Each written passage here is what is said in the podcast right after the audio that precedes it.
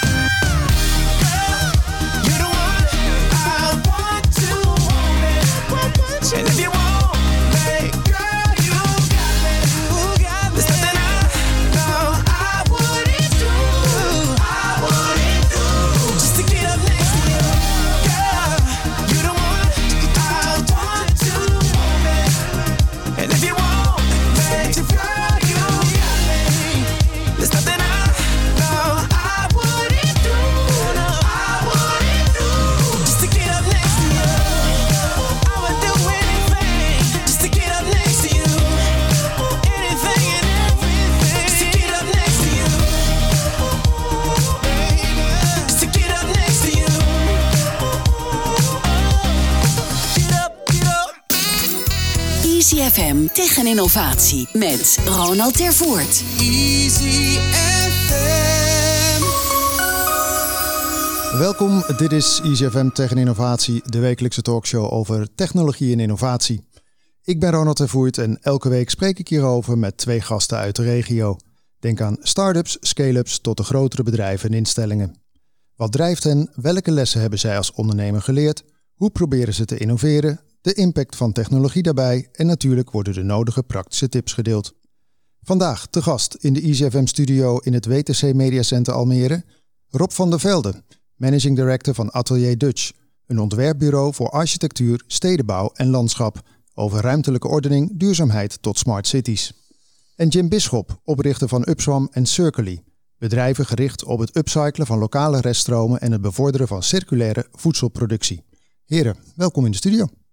Dankjewel. Hoe gaat het eh, met jullie? Goed. Zeker. Fijn om hier te zijn. Kijk, vandaag. kijk, dat is een goed begin altijd.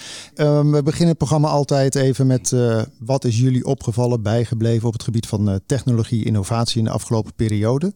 Ik zit in een uh, rijksprogramma die zich bezighoudt met uh, de slimme stad, met smart cities. Daar hadden we van de week een, uh, een bijeenkomst van waar 13 teams eh, mij hebben bijgepraat en een aantal andere mensen over eh, wat er op dit moment allemaal met smart cities aan de hand is. En uh, het was heel erg leuk en leerzaam en ja, dat is me heel erg bijgebleven. De smart city is natuurlijk een van de onderwerpen die we sowieso gaan aanstippen. sowieso neem ik aan dat jij nu in een online videoconference had ge hebt gezeten met de smart cities ja, collega's. Vanzelfsprekend, ja. Waar gaat het dan nu over eigenlijk, over smart cities? Want klinkt zo mooi. Ja, kijk, de, de techniek die scheidt voort. Er is niet één specifiek onderwerp, maar wat wel heel actueel is, is uh, zaken als crowdmanagement op dit moment. Dus hoe kun je de smart technology inzetten om te kijken waar grote groepen mensen zich door de stad bewegen? Ik ken natuurlijk de rellen van een paar weken geleden, hè, de, de avondklokrellen. En is in, uh, in die denktank is ook meteen zijn ervaringen uitgewisseld van hoe kunnen wij die, die, die grote groepen mensen, hoe kunnen we die in de gaten houden en weten waar ze naartoe gaan. Uh, en daar wordt dus die smart technology voor gebruikt. Dus dat is een heel actueel onderwerp in de, in de groep. En is dat dan uh, vooral middels uh, camera's? Nee, het kan van alles zijn. Dat uh, kan ook, ehm, laten we zeggen, activiteiten op mobiele telefoon zijn. Hè? Dus je kunt aan de, aan de, hand van Twitter-data of je kunt aan de hand van andere social media kun je zien waar die mensen zich, zich bevinden. En dat is natuurlijk allemaal op metadata-niveau. Dus privacy is daarbij natuurlijk altijd heel belangrijk. Dus, dus je ziet eigenlijk alleen maar die stipjes op de kaart als het ware. Ja, want heel vaak uh, werd ook uh, met smart cities heb je het over slimme stoplichten. Hè? Dat als de ambulance komt, dat die uh, lekker kan doorrijden. Is, is dat iets waar jij iets over weet, zal ik maar zeggen? Is dat, is dat echt actueler aan het worden? Ja, dat wel. Je ziet dat heel veel stoplichten eigenlijk al uitgerust zijn als slim stoplicht. Maar dat, dat er nog te weinig gebruik van wordt gemaakt. Dus het inrekenen daarvan en het ook inzetten om je doorstroming in je stad te verbeteren. En daarmee ook betere luchtkwaliteit of voorrang te geven aan nood- en hulpdiensten. Daar zijn natuurlijk heel veel mogelijkheden, maar daar wordt nog eigenlijk te weinig gebruik van gemaakt. Dus er kan meer dan dat we nu op dit moment doen. En waar ligt dat aan dan? Nou, het ligt aan uh, wet en regelgeving. Uh, voor heel veel gemeentes is het heel moeilijk om uh, te bepalen van hoe kunnen wij privacy goed borgen of hoe kunnen wij in onze verordeningen het zo regelen dat data die daarbij vrijkomt ook beschikbaar is voor de overheid. Dat is natuurlijk ook niet altijd het geval. En gaandeweg dus, zeg maar, het proces om dat allemaal goed uit te zoeken, en blijft dus zeg maar, het inzetten van die technologie nog een beetje achter. En ondertussen ontwikkelt de techniek zich ook weer heel verder uh, door natuurlijk. Ja. Nou kijk, in, in Eindhoven als voorbeeld, daar hebben ze rondom een Stratums Eind uh, een living lab waar ze heel veel van die techniek gebruiken. Daar staan bijvoorbeeld slimme reclameborden die dus ook met camera's en met geluid uh, mensen ook in de gaten kunnen houden. En er zit al techniek in dat als ik daar voorbij loop en mijn gezicht herkennen, er een reclame kan komen voor mij op maat gemaakt, hè, zoals je in de film Minority Report ziet. Maar die mogen ze nog niet uit, uh, inzetten, die technologie. Maar hè, uh, hij is er al wel mee uitgerust. Ja, jij lacht Jim. Zou je dat leuk vinden als je op straat loopt en dat er dan... Nou, nee, ja, ik weet nog dat ik, ik moest denken aan Minority Report. En uh, ik ging uh, even terug in de tijd, want dat is ondertussen alweer 10 tot 15 jaar geleden. Of 20 jaar. Ja, ik wou het zeggen. Toen was ik nog vrij jong en toen dacht ik, nou, hè, zo die voorspelling uh, van misdaad en uh, zo'n treinbaan. Hè, dus dat je in een auto stapt die in een elektro, uh, elektrische treinbaan schuift. Ja, dat, dat is wel een mooi toekomstgezicht, dacht ik. En ik was altijd wel heel erg gek van sci-fi. Dat is eigenlijk wel werkelijkheid geworden. Misschien, er zit natuurlijk een, een, stukje in wat misschien niet zo realistisch is. Maar heel veel van de toepassingen die je daar ziet, uh, waarvan denk ik uh, veel mensen die niet met innovatie bezig waren, uh, gezegd zouden hebben van ah, het gaat er nooit komen, is onmogelijk. zie je toch denk ik dat, dat we naar dat soort oplossingen toe gaan. En ja, dat was heel vooruitstrevend denk ik, die, die film. Er ja. zit wel, wel een stukje waarheid in ook. Ja, en je hebt natuurlijk altijd mensen nodig als uh, Elon Musk hè, of andere uh, mensen die uh, de, de voorhoede, zal ik maar zeggen, uit het uh, gebeuren ontginnen. En wat is jou opgevallen, bijgebleven, afgelopen periode? Uh, ja, ik moest denken aan, uh, het is ondertussen alweer een tijdje geleden, maar ik ben ooit met een Rabobank Food Forward Track ben ik in Lelystad geweest, bij de Wageningen Universiteit. en ze doen daar een stukje onderzoek naar onder andere strookteelt. En dat hebben ze eigenlijk helemaal terug bestudeerd uit ook onder andere de Maya-cultuur.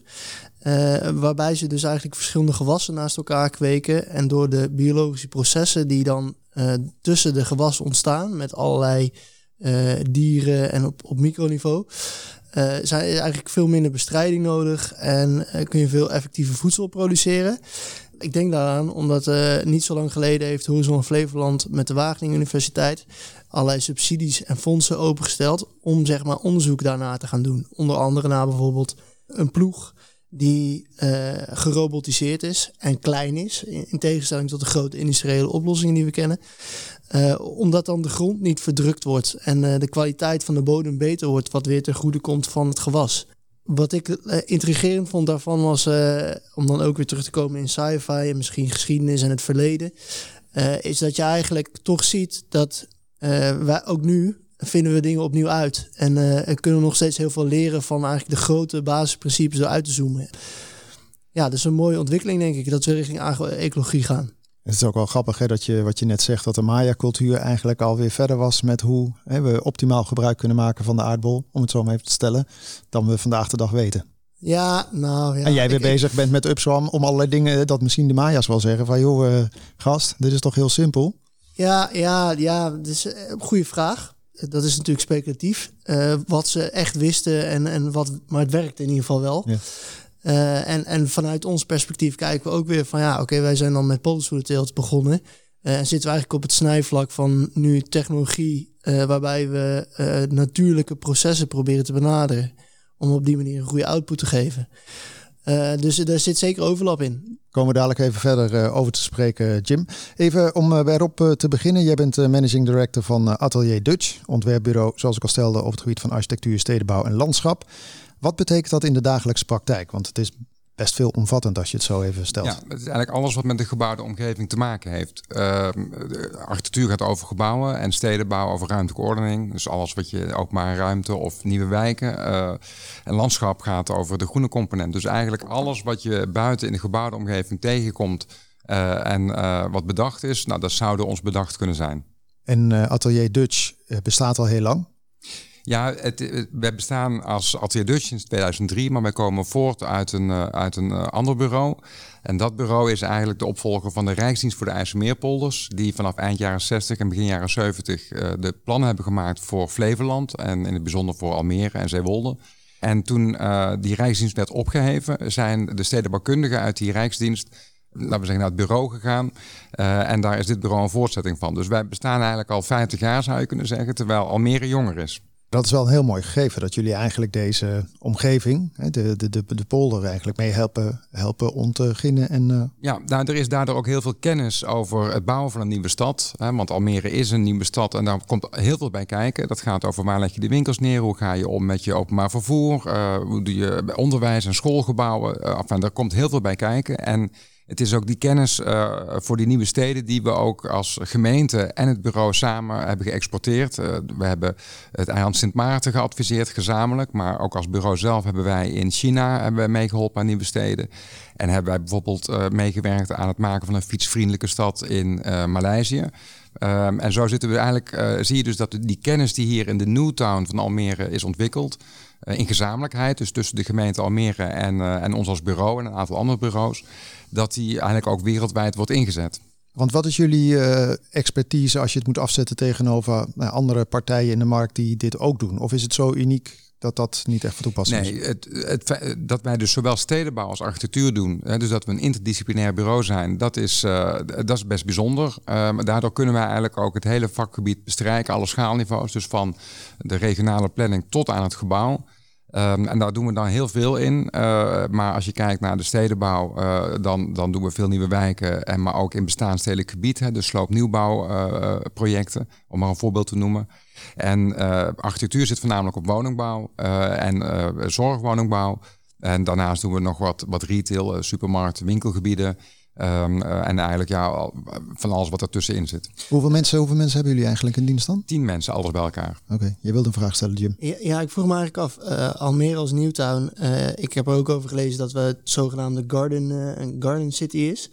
Kom je dat nou veel tegen in jouw vakgebied? Of is Almere echt een unieke eend in de bijt, zeg maar? Nee, kijk, de Garden City, dat, dat gaat over het geluk van de tuin. Een huis met een tuin erbij en op loopafstand voorzieningen als een supermarkt en een, en een school. Uh, en eigenlijk wordt het grootste deel uh, van Nederland is zo gebouwd, op, met uitzondering van de stadcentra. En dat is ook het unieke van Almere. Ik vind ook dat dat het unique selling point is. Dat uh, je hier het geluk van de tuin kunt hebben, wat je bijvoorbeeld in Amsterdam of in Utrecht niet kunt vinden. Ehm, en het is ook maar de vraag of het eh, goed is dat Almere in, in, in hoge mate heel veel appartementen zou gaan bouwen. Omdat ze daarmee, uh, laten we zeggen, proberen te concurreren met een stad als Amsterdam. Terwijl het unieke aan Almere is dat het ruim is opgezet, veel groen is en er toch hier 200.000 mensen wonen. Wat is nou een voorbeeld van jullie werk waarvan je zegt van nou dat typeert echt wat wij doen? Even heel tastbaar. Nou, hier in Almere hebben we een aantal uh, wijken ontworpen. Uh, Parkwijk hier om de hoek en in Almere buiten, uh, Eilandenbuurt, Stripheldenbuurt. We hebben het Homeruskwartier in Almere gedaan, samen met OMA en met de gemeente.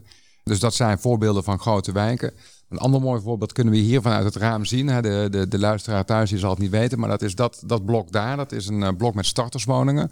Um, waar op de grens van een kantoorgebied en een woongebied en daar hebben we in de tijd hebben we daar uh, kleine studio's ontworpen voor, voor de starters op de woningmarkt, 20 jaar geleden al. Uh, en die zijn zo ontworpen, dat gebouw, dat dus die woningen van 35 vierkante meter in de toekomst ook samengevoegd kunnen worden tot één woning van 70 vierkante meter. En daarom hebben we geprobeerd daar ook een toekomstbestendig gebouw van te maken, wat flexibel en aanpasbaar is naar de toekomst toe.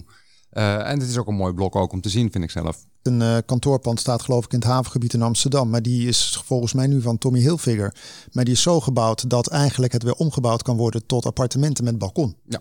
Dat vond ik nou ook wel heel verrassend. Kijk, daar begint duurzaamheid. Als je dus een gebouw niet hoeft te slopen, dan dat is eigenlijk de eerste stap naar circulariteit. Hè. Dus het hergebruiken van een gebouw is net zo goed circulair uh, dan als wanneer je een gebouw zou moeten slopen en dat, dat het sloopafval weer als nieuw materiaal gebruikt. Dus ik denk dat het begint met het ontwerp. Dat je dus eigenlijk meteen een gebouw al zo ontwerpt, of een wijk of een stad, dat dat uh, uh, ook toekomstbestendig is. En dat het dus naar de toekomst toe andere functies kan opvangen dat er overmaat in zit om, dat, uh, om het ook aan te passen.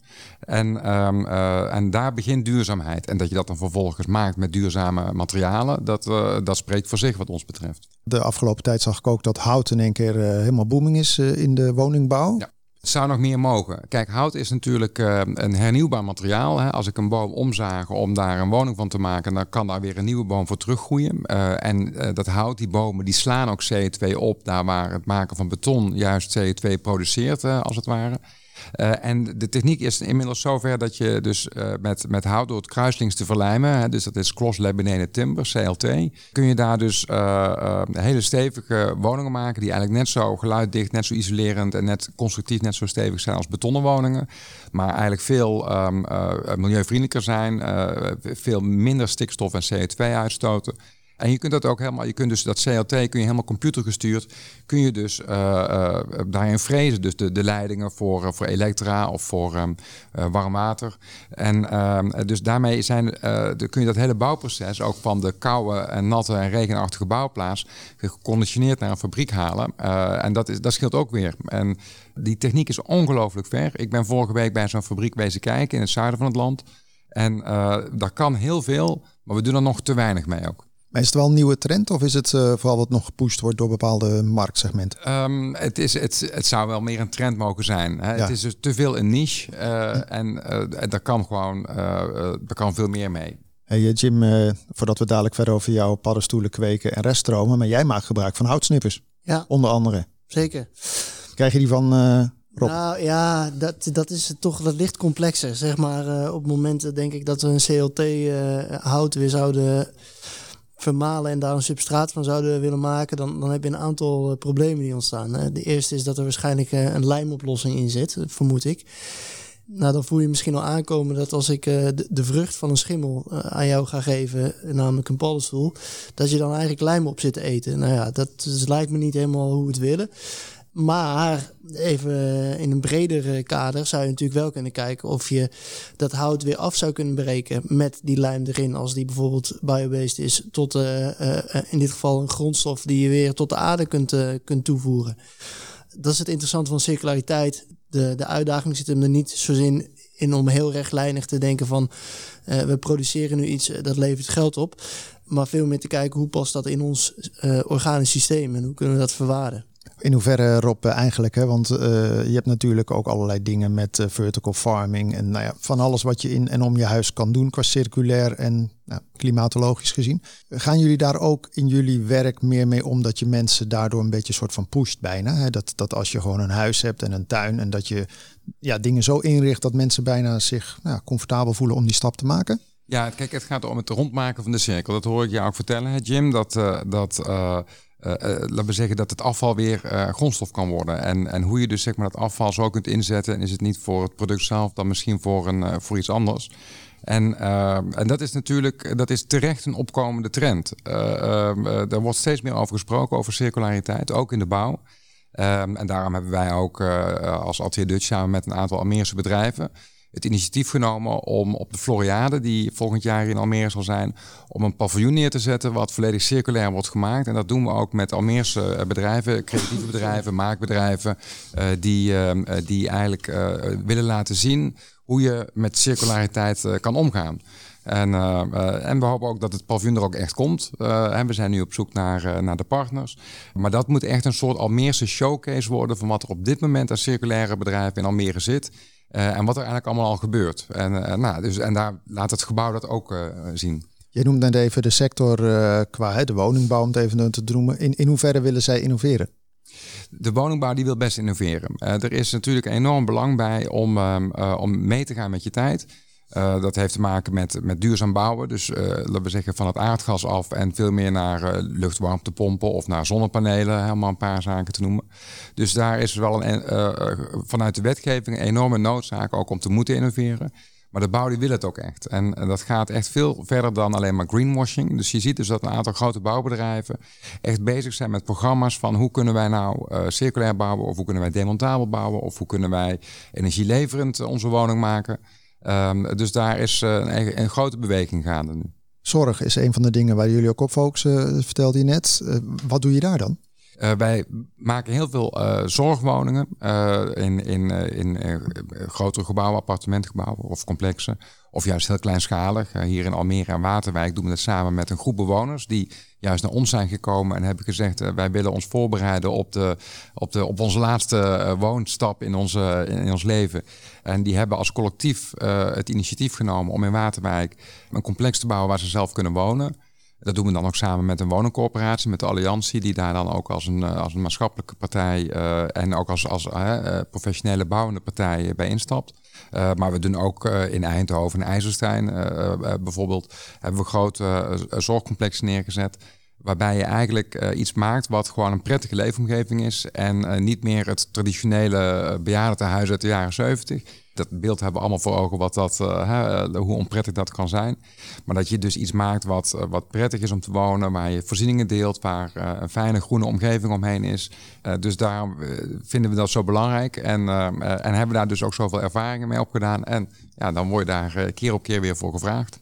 En als je kijkt naar het uh, hele tracé, hoe, hoe lang duurt zoiets? Want ik kan me voorstellen bedoel, uh, dat het zomaar anderhalf, twee, misschien wel drie, vier jaar kost. Dus, dus... initiatief en, en oplevering, daar zit inderdaad, heb je het over dat soort termijnen. Hè? Een, een groot gebouw bouwen kost ongeveer een jaar. Uh, maar als je kijkt naar dat initiatief in de Waterwijk hier in Almere, waar dus die groep bewoners hebben gezegd, wij willen iets. En voordat je dan uh, een partij hebt gevonden die je daarbij kan helpen en een gemeente die, uh, die daarin meegaat, dan moet ook een bestemmingsplan gewijzigd worden of je moet ook de dialoog met de buurt aangaan uh, om te kijken van zijn die plannen vallen die goed en zijn die goed afgestemd met de omgeving. dan kan dat alles bij elkaar nog, nog iets langer duren. En dat is dus soms een proces van een lange adem. En ga je dan ook samenwerken met partijen als TNO? Want ik kan me voorstellen, als je vandaag een plan bedenkt, dat dat over drie, vier jaar is de techniek of is het alweer zo ver gevorderd dat je wel experts bij je moet hebben. Ja, nou, TNO uh, die, die doen veel in de gebouwde omgeving. We werken daar zelf niet zo heel veel uh, mee. Maar je, je moet natuurlijk wel op de hoogte blijven. Het, het gaat erom dat dus dat wanneer je niet op de hoogte blijft van techniek en van ontwikkelingen, dan, dan verlies je op de lange termijn verlies je, verlies je de strijd dus we hebben ook als bureau gezegd, we zijn nu uh, wij zijn ingestapt als partner in een project om in Hogeveen, waar een, een wijk wordt gebouwd van, van 80 woningen, die wijk hebben wij ook ontworpen. maar er worden 80 woningen gebouwd die volledig op waterstoftechniek worden verwarmd. Als een soort proefproject om te kijken of dat ook in een bestaande wijk van 1100 woningen gedaan kan worden. En als proef wordt daarbinnen nu één tiny house gemaakt, een kleine woning, verplaatsbaar ook. Waar dus die waterstoftechniek ook gewoon echt wordt, wordt uitgeprobeerd. En daarmee als een soort reizende showcase ook door Noord-Nederland kan gaan. Um, en dat is voor onze manier om uh, kennis te maken met die waterstoftechnologie en dan bij te dragen aan die kennisontwikkeling. En dat is een samenwerking. Daar zitten de, de Rijksuniversiteit Groningen erin en de Hanse Hogeschool. Daar zitten uh, en TNO ook daarin, voor zover ik weet. grote ingenieursbureaus. dus, dus eigenlijk het hele Noord-Nederlandse bedrijfsleven en de kennisinstituten. En de overheden die dus daar samenwerken om te kijken hoe kunnen wij die techniek een stap verder brengen. Dus dat vinden we ook heel leuk om daaraan bij te dragen. Leuk hè, want de hele stadsparken kan die aanleggen. Dat is een soort van, uh, dat lijkt me wel cool eigenlijk, dat je gewoon nou ja, zo'n hand erin hebt. Ja, het is, kijk, het leuke is, als het dan daarover gaat, is dat als je iets bedacht hebt en een paar jaar later er doorheen kan lopen, dat is natuurlijk, dat geeft nog steeds de, de grootste kick, zeg maar. En uh, um, dus ja, dat, dat, daarom heb ik wel voor het vak gekozen, ja. In uh, Toronto, Canada, doet Google een hele slimme wijk. Vind je dat te ver gaan of vind je dat juist wel gaaf, zo'n living lab met alle tech erin? Nou, kijk, het is de vraag wat de, de reden is dat Google zeg maar daar als opdrachtgever voor een stuk stad optreedt. En als je kijkt naar dat Rijksprogramma, die City Deal waar wij in zitten over smart cities, dan gaat het niet over wifi of over breedband of wat dan ook. Dan gaat het over zaken als privacy, het gaat over waardigheid, over uh, het machtsevenwicht tussen de techbedrijven en de burgers. Um, uh, dus over dat soort zaken gaat het eigenlijk. Uh, dat zijn eigenlijk hele, dat zijn een soort van, van zachte waarden, een soort, nou, je zou het kunnen zeggen, het nieuwe bouwbesluit voor de stad. En hoe kunnen wij ervoor zorgen dat, dat we het juiste blijven doen? En als Google zegt wij kunnen in Toronto betaalbare woningbouw aanbieden uh, en ze eigenlijk daarmee bedoelen dat dat in ruil is voor de data die door die bewoners wordt gegenereerd, dan is het uh, de vraag of daar het machtsevenwicht goed is georganiseerd en of daar de waardigheid van de bewoners goed in de gaten wordt gehouden. Het is ook een project wat ook, laten we zeggen, heel moeizaam is. Ik weet het omdat ik in dat, in dat Smart City programma zit. Ik geloof dat dat, dat, dat nu op losse schroeven staat zelfs. Uh, omdat uh, uh, tussen de gemeente Toronto, zou je kunnen zeggen, en het Google-bedrijf... ja, het heel moeilijk is om tot, tot, tot sluitende afspraken te komen... ook om die waarden goed te borgen. En als je kijkt wereldwijd, wat is de meest smart city die jij kent? Ik zou niet durven zeggen wat nou de slimste stad is. Kijk, in Silicon Valley, daar zijn ze natuurlijk heel ver omdat daar die technologie wordt ontwikkeld. Tegelijkertijd zie ik in, eh, in eh, als ik in Shanghai, uh, iedere keer als ik daar kom, dan zie ik daar, uh, laten we zeggen, ontwikkelingen die je een paar jaar later hier in Nederland ziet. Dus die lopen ook in zekere zin daarin voorop. Of de Chinezen doen dat wel op wat meer gebieden. maar ik vind een slimme stad is, moet ook een wijze stad zijn. Dus het gaat ook over hoe zet je dus die slimme technologie in. Um, en dat gaat erover dat uh, je, je kunt nooit smart technology als doel op zich zien, maar als een middel om iets anders te bereiken. Een duurzame stad, leefbaarheid, veiligheid, uh, schone lucht. Uh, dat zijn de, zeg maar de dingen die, waar het echt om zou moeten gaan. En dan um, denk ik dat dus dat integrale denken over de ruimtelijke ordening, dat Nederland daarin nog steeds wel heel erg voorop loopt in de wereld, omdat we natuurlijk een klein land zijn met weinig ruimte, veel kennis over ruimtelijke ordening. Uh, de, hè, vanuit de waterschappen en vanuit uh, het, het, vak stedenbouw is een beetje in Nederland uitgevonden. Dus ik vind dat, dat, dat, dat uh, niet de smart city, maar de wise city, dat we daar in Nederland wel en voor oplopen. Easy FM tegen innovatie met Ronald Tervoort. Easy FM. Dit is ICFM tegen innovatie, de wekelijkse talkshow over ondernemen op het snijvlak van technologie en innovatie. Vandaag in de studio Rob van der Velde, Managing Director van Atelier Dutch, een ontwerpbureau voor architectuur, stedenbouw en landschap. Over ruimtelijke ordening, duurzaamheid tot smart cities. Of wise cities, hè, moeten we zeggen, heb je net uh, aan ons verteld. En Jim uh, Bisschop, oprichter van uh, Upsom en Circly, bedrijven gericht op het upcyclen van lokale reststromen en het bevorderen van circulaire voedselproductie. Voordat we het gaan hebben over het uh, kweken van uh, exotische paddenstoelen. Rob, nog even een aantal uh, dingetjes die ik even met jou wil doornemen. want jij noemde nu elke keer die City Deal. dat klinkt bijna als een soort van pact. en je zegt al, het gaat vooral over de soft voorwaarden, de randvoorwaarden en om dat te realiseren.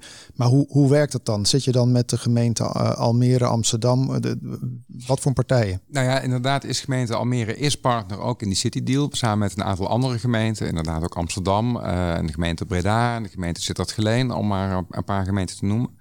De Rijksoverheid zit erin, het ministerie van INM. En daar zitten ook in heel veel uit bedrijfsleven, projectontwikkelaars, ingenieursbureaus, techbedrijven.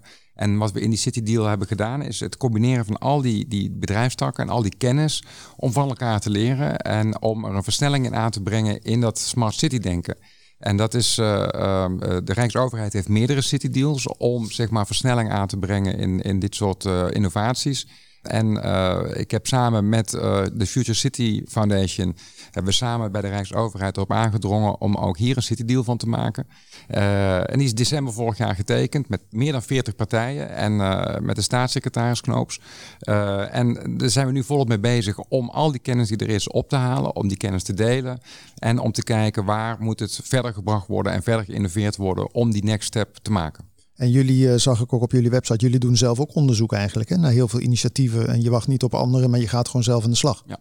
Ja, dat, dat vind ik, dat past ook. Uh, dat je dus naast het dagelijkse werk van het ontwerpen van gebouwen en steden ook uh, bezig bent met de vernieuwing van, van je eigen vak. Um, en zo kijken we altijd om ons heen. We zitten hier in Almere op een bedrijfsterrein, de Steiger in Almere Haven. Uh, en we hebben een, um, een spel ontwikkeld om, uh, en dat hebben we ook gespeeld samen met mensen van de gemeente en met uh, projectontwikkelaars en eigenaren op het terrein. Om te kijken of je via een soort collaborative urban redevelopment, dus in een soort samenwerkingsvorm, dat terrein zou kunnen herontwikkelen van een extensief monofunctioneel bedrijfsterrein, waar ook wel wat leegstand nu is, naar een veel meer intensief gemengd woon-werkgebied Waar je dus kansen kunt geven aan starters om te wonen. Waar je eh, andere type voorzieningen uh, krijgt. Waar je kunt verduurzamen. En waar je eigenlijk van de steiger een nieuwe stadswijk maakt. Die tegen de Floriade en tegen Almere Haven aan ligt. En dat begint dus met, het, met die samenwerkingsvorm. Uh, en dat Collaborative Urban Redevelopment. Dat is dan afgekort, heet dat CURE. Dus dat zou ook misschien een geneesmiddel kunnen zijn voor, uh, uh, voor, uh, ja, voor de stedenbouw. Komt dit ook uit Minority Report? Hè?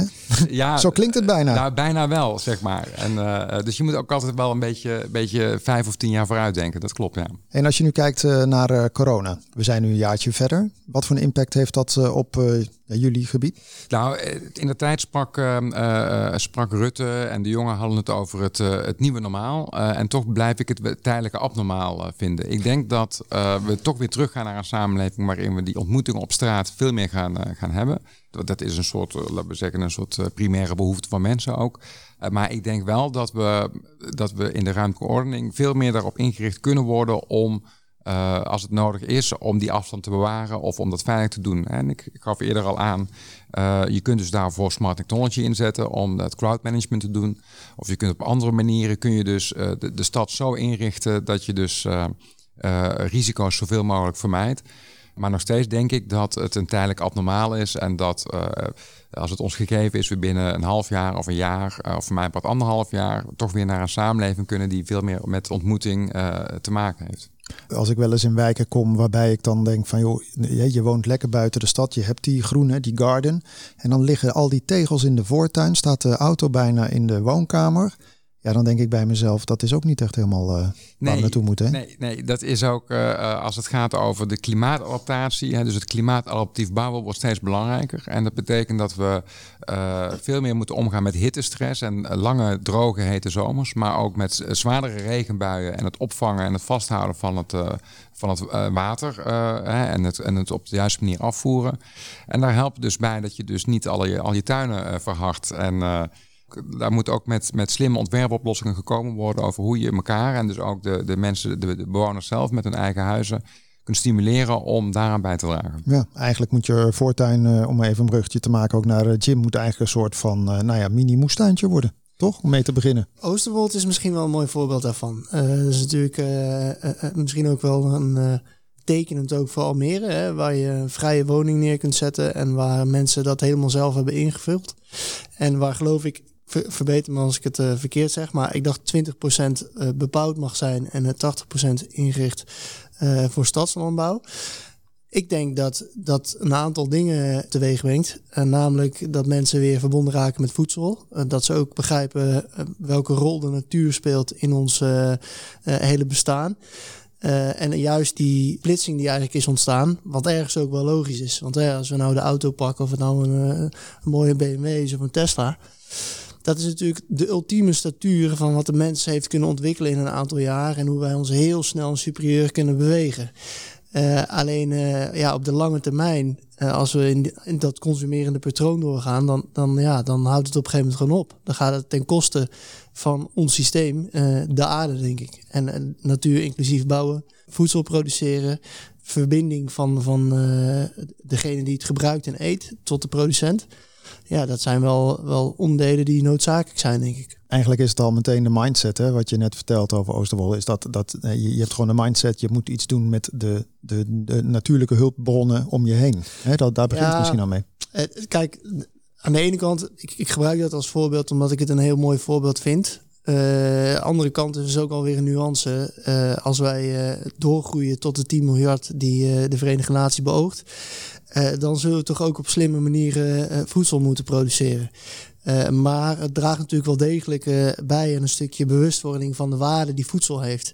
En niet melk komt uit de supermarkt. Nee, melk is gras wat gegeten wordt door een koe. En een koe leeft en die produceert melk eigenlijk voor het kalf. En daar drinken we hulp. En dat is wat waard. Jim, jij bent, eh, zoals je het zelf eh, zegt, voedselveranderaar. Ik wist niet dat het een eh, ty- typering was, maar mooi. En jij bent oprichter van Upswam en Circly. Upswam was het eerste bedrijf wat jij gestart hebt. Om daar even op te focussen, kan je vertellen wat je daar doet?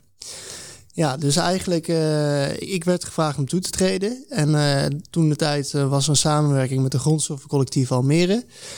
wat eigenlijk een samenwerking was van publiek en privaat. En er zat in onder, andere een Sirwin, gemeente Almere, eh, en Van Duinen. En toen werd gevraagd van ja, er staat hier een container en er zit een koelunit in. Eh, Van Duinen heeft eigenlijk tien klanten eh, waar, eh, die bezig zijn met een duurzaam koffiemeubel en een duurzame lijn. Willen jullie niet daar het koffiedik ophalen en kijken hoe je dat als voedingsbodem kunt gebruiken voor in dit geval een oesterzwam? Nou, zo gezegd, zo gedaan.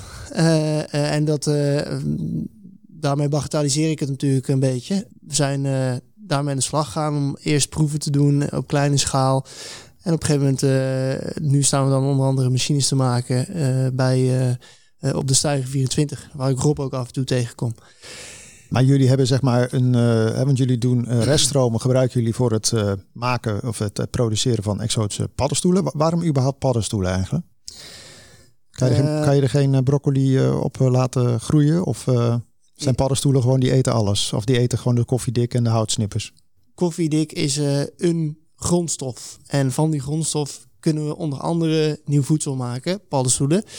Eh, maar we kunnen er ook, eh, ik geloof dat er al verpakkingen en, en pallets en er wordt van alles ook van koffiedik gemaakt. Dus de mogelijkheden in de circulaire economie zijn eigenlijk groter dan, dan dat wij ons vaak kunnen bedenken. En de tweede vraag was waarom dan eigenlijk paddenstoelen? Nou, paddenstoel is wel een beetje een ondergewaardeerd organisme eigenlijk in, in ons hele eh, zien. Heel veel mensen vinden het toch een beetje suf. Hè? Ze schimmel en eh, wat Nou, als je niet oppast, dan uh, je moet ze niet uit, uit het bos gaan plukken. Hè? Dat is wel nou, het ja, als je, als, je, als je de verkeerde pakt, dan kun je misschien nog eens loodje leggen.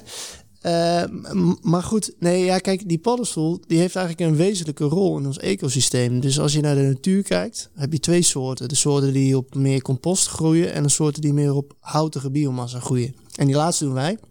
En dat betekent eigenlijk dat als een boom uh, uh, doodgaat of dode takken heeft of iets in die trant, dat valt eigenlijk naar de grond en daar op een gegeven moment komt daar een schimmel in. En die paddenstoel een soort natuurlijke afvalverwerker, dus die eet dat hout helemaal op. Die zet dat om in een mycelium, wat de schimmel is. En de paddenstoel is de vrucht, om weer die schimmel te verspreiden. En uh, die schimmel die, die wordt weer opgenomen door de bodem en die verbetert de bodem weer.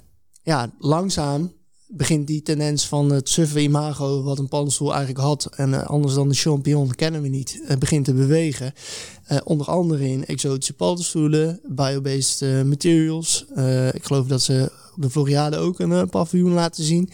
Uh, er zijn al sneakers gemaakt van, uh, van mycelium. Ja, Nike schoenen van uh, appelschillen geloof ik ook al. Ja, nou ja, ik weet niet of dat ook met paddenstoelen is gedaan. Maar, nee, nee, nee. Maar bedoel, qua, qua circulariteit en het verwerken op een andere manier dan. Hey, maar die container van jullie, hè, daar zit dan techniek in, vertel je net. Of koeling zit erin. Ja. Maar hoe, hoe werkt dat dan? Want ik denk dan, ja, begin gewoon hier een tuintje en hè, ga het daar doen. Waarom moet het in een container en met een bepaalde techniek? Nou, zeg maar, toen ik begon wou ik dat dat ook op ging. En in de praktijk leerde ik dat dat uh, toch lastiger is. Uh, eigenlijk wat je natuurlijk doet, is uh, je reproduceert de natuur. Hè?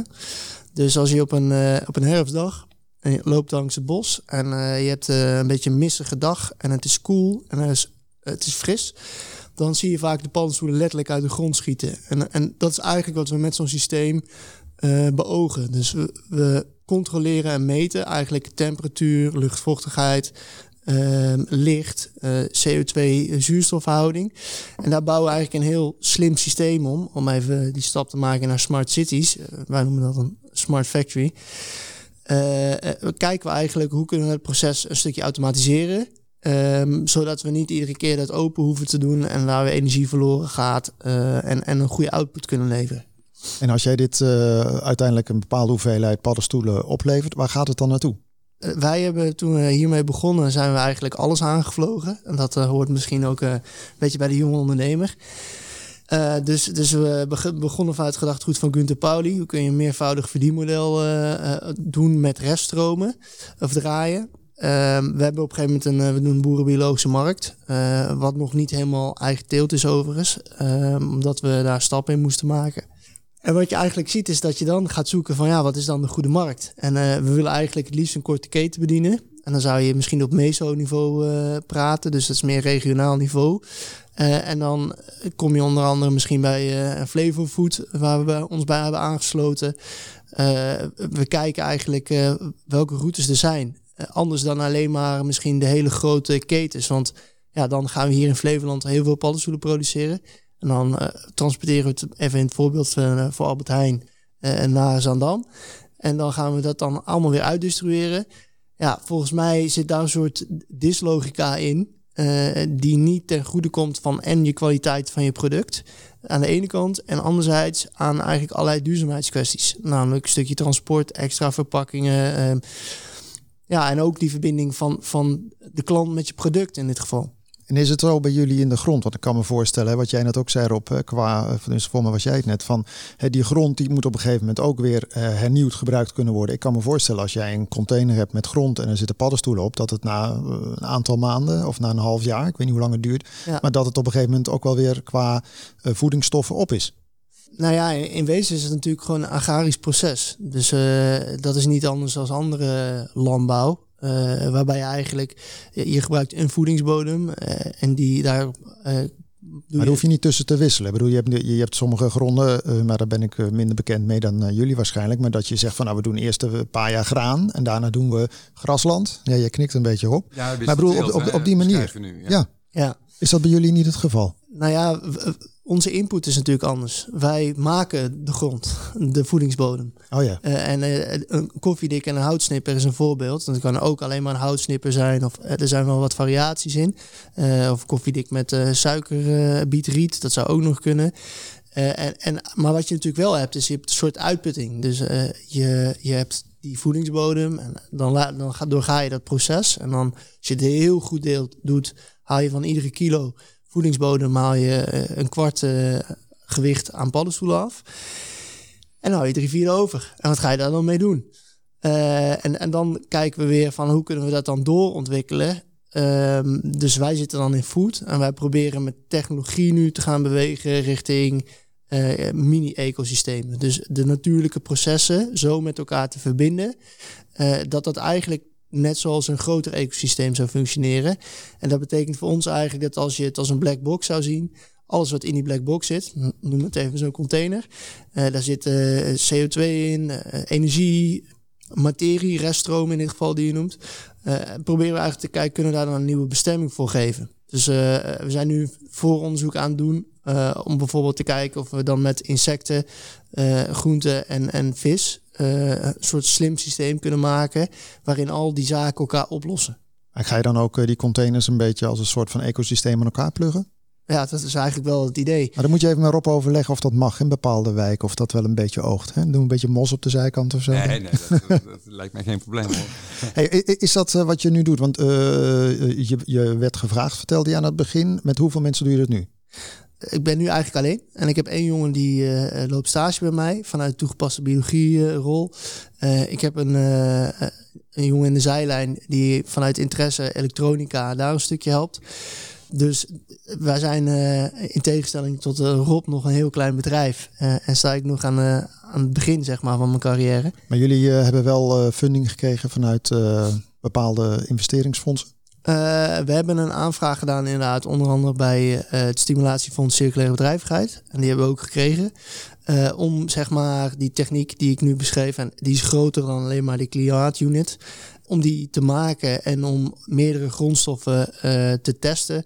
En ook nog te kijken of we andere toepassingen voor de reststroom van mycelium kunnen vinden dan in dit geval het composteren of het gebruiken als voedingsbodem voor insect of uh, misschien als een biobased material uh, in, in, een vulling voor een verpakking of een bouwmateriaal.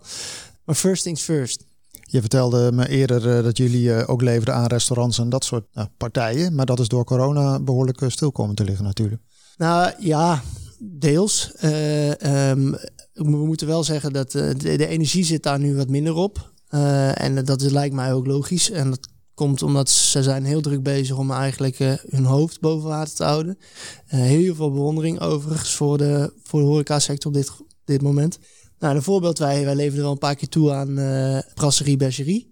Dan praat je natuurlijk met de eigenaar, hoe gaat het? En lukt het? En nou ja, dan wordt er wel gezegd, ik hoop dat we toch gauw weer een beetje open mogen. Want ja, die zien als een soort trechter de kosten toch veel groter zijn dan de opbrengsten. En die willen ook heel graag vooruit. Ze zijn heel creatief. Kijken toch hoe ze met boksen allerlei oplossingen kunnen, kunnen invullen. En heb jij eh, voor je champignons, is dat nog een beetje qua prijs wat je eruit krijgt? Is dat, uh, is dat doable? Of gaan we voor een bakje champignons, uh, zal ik maar zeggen, of paddenstoelen bij jou de hoofdprijs betalen omdat er zoveel techniek en innovatie in zit? Het ligt aan of je natuurlijk wil afromen of wil penetreren in de markt. Uh, maar even door de bank genomen ben jij, zeg je van nou weet je, wij proberen daar gewoon een fair price voor te maken. En ja, het is duurder dan. Nou, wij zitten wel op een fair, fair price slow food. Want anders moeten we zeg maar tegen, als je dan echt letterlijk een champignon zou kopen, die we overigens inkopen en niet zelf produceren, dan, dan moet je 80 cent per uh, geloof ik 250 gram doen. Dat zijn zulke fabrieken. daar kunnen wij niet tegenop op stadslandbouwniveau. Dus we hebben wel die fair price nodig. Je hebt een uh, ander bedrijfje ook nog, uh, dat heet uh, Circly, een consultancybedrijf. Ja. wat doe je daar? Ja, zeg maar, Circly is eigenlijk ontstaan vanuit de gedachte dat toen we dus met die paddenstoelenteelt aan de slag gingen, dat we eigenlijk achterkwamen van, hé, hey, zo'n paddenstoel, dat is dus een hele mooie oplossing voor koffiedik en hout in dit geval. Maken we een voedsel van. Maar dan creëren we dus niet drie nieuwe problemen. de eerste is, ze ademen CO2 uit, net zoals wij mensen. Tweede is dat ze afgepocheerd worden in, in 3 kilo. Dus uh, daar gaat een kunststofzak omheen. Nou, dat kan je wel met een biobased material oplossen, maar dat zorgt dus voor nog een reststroom. Uh, en je houdt dus die driekwart van die voedingsbodem over, uh, die je eigenlijk nuttig kunt gebruiken. En uit, vanuit die gedachte dachten wij van ja, kunnen we niet het bedrijf doorontwikkelen tot een stukje techniek waarbij we prefab oplossingen aanbieden, zoals bijvoorbeeld een container voor paddenstoelen, uh, en die dan in mini-ecosysteem zo met elkaar verbinden dat je daar eigenlijk insecten, groenten en vis uh, zo aan elkaar kunt verbinden en eigenlijk volgens een natuurlijk proces. Ja, hebben jullie eigenlijk ook samen gewerkt? Want er, er zit er wel overlap in. Uh, jij bent ook bezig met circulair. Ja. hebben jullie gezamenlijk projecten gedaan hier of geïnitieerd? Uh, wij zaten, zeg maar, het, uh, het paviljoen wat uh, Rob heeft beschreven. in de beginfase zaten wij daar ook in. en keken wij hoe we, zeg maar, vanuit een stukje food daar ook een stukje invulling aan konden geven. Alleen, ehm, ja, de, de, door contracten en juridische zaken bleek het bijzonder ingewikkeld om daar eigenlijk een goede exploitatie op te kunnen, kunnen draaien. Dus wij zijn daar op een gegeven moment uitgestapt. maar ja, die integrale gedachte en een stukje ontwikkeling en samenwerking met architecten, stedenbouwkundigen, uh, die is eigenlijk noodzaak. Want uh, je zit toch al gauw op een complex niveau. Uh, en zelfs al ben je heel intelligent, kun je niet overal overheen kijken. dus heb je toch ook andere partijen nodig die daarin gespecialiseerd zijn. Kleine samenwerking gedaan met Rob was heel leuk. Ik nog heel kort even aan. Ja, jullie zitten hier nog samen, dus ik neem aan dat het allemaal nog uh, nee, maar is. Jin legt het goed uit. Hè. De Floriade heeft de beperking om daar met voedsel aan de slag te gaan. Maar uh, we hebben op de, op de stijker hebben bijvoorbeeld de ontmoetingsplek uh, is daar gemaakt door Jim van der Wart, hè, een gezamenlijke ja. vriend van ons. en dat moest een, ook begroeid met klimplanten. En dat kunnen allerlei klimplanten zijn, maar er is daarvoor hop gekozen omdat op de stijgers zit een bierbrouwerij en die kunnen heel moeilijk aan hop komen. Uh, toen zeiden ze, konden we het maar hier in onze buurt gewoon zelf plukken. En uh, nou, dat is dus zo'n vorm hoe je dus voor ontmoetingsplekken en voedsel, hoe je dat aan elkaar kunt verknopen. ja, zo denk jij, eh, jij en ik ook altijd over zaken. Dus eh, ja. Hey, even gelet ook op de tijd. eh, Jim, eh, hoe, hoe kom jij aan deze passie, kan ik toch wel even stellen? Want je bent volgens mij eh, net 30 geworden. Was eigenlijk tweeledig. Eh, vanuit het eh, thuisfront, toen ik nog studeerde, werd altijd gezegd... ja, doe nou plastic scheiden, dat is belangrijk. En eh, toen was recycling net een beetje in, in, in beweging aan het komen. En toen noemden we dat nog niet circulaire economie. Dat was een beetje beginsel. En toen tijdens mijn studie deden we een project milieugerichte productontwikkeling. Ja, dan zie je heel mooi die relatie tussen de ingenieursopleiding die wij dan hebben gedaan richting meer producten en apparaten. En misschien eh, de opleiding die Rob ooit heeft gedaan tot stedenbouwkundige. Ontwerpers en ondernemers en creators staan aan de beginfase van alles wat wij in onze omgeving gebruiken, voor welke toepassing dan ook. Dus wij kunnen eigenlijk van tevoren bepalen hoe we dat willen doen en welke impact dat heeft op onze omgeving. Eh, en daarmee ook direct naar circulariteit kunnen, eh, of als we daarmee direct naar circulariteit zouden kijken, ja, kunnen we gewoon echt een mooie impact maken. Ik eh, ga eventjes met jullie eh, vooruitkijken de week in. Eventjes, eh, waar verheug jij je op komende week, Rob? Waar verheug ik me op komende week? Eh, Nou, dat je weer misschien naar kantoor mag, maar misschien zit Ja, je in je eentje, denk nee, ik. Nee, nee, we zitten daar eh, met, met een wisselend schema eh, met de collega's. Hè, dus dat je dus eh, nooit meer dan met eh, eh, 50% van de mensen tegelijk aanwezig zijn. Het liefst minder. Nee, eh, ja, waar verheug ik me op? Gewoon een leuke werkweek. Ja, sowieso een leuke werkweek, ja. Jij, Jim? Eh, nou, we hebben een kleine, eh, eh, kleine schaal warmtebehandelingsmachine gemaakt. Toevallig liep Rob van de week langs en die zei, ja, wat ben hier nou eigenlijk aan het maken? En we zitten in een radioshow, toch? En toen was ik al een, een watertest aan het doen om te kijken van, ah, doet hij het helemaal zoals naar verwachting? En wij verwachten eigenlijk al volgende week daar een proef mee te gaan doen. Ja, het zou toch wel een, een kleine mijlpaal zijn in onze reis, zeg maar. Dus daar kijken we wel naar uit. Oké, heel mooi. Rob van der Velde, eh, managing director van Atelier Dutch en Jim Bisschop, oprichter van Upswam en Circly. Dank jullie wel voor de komst. Jij bedankt voor het luisteren, dan wel het meekijken via onze podcast op onder meer Kijk Almere. Straks om 10 uur is Rosa Gier met Soul en R&B. Tot die tijd kun je genieten van jouw relaxe muziekmix op Easy FM. Graag tot volgende week.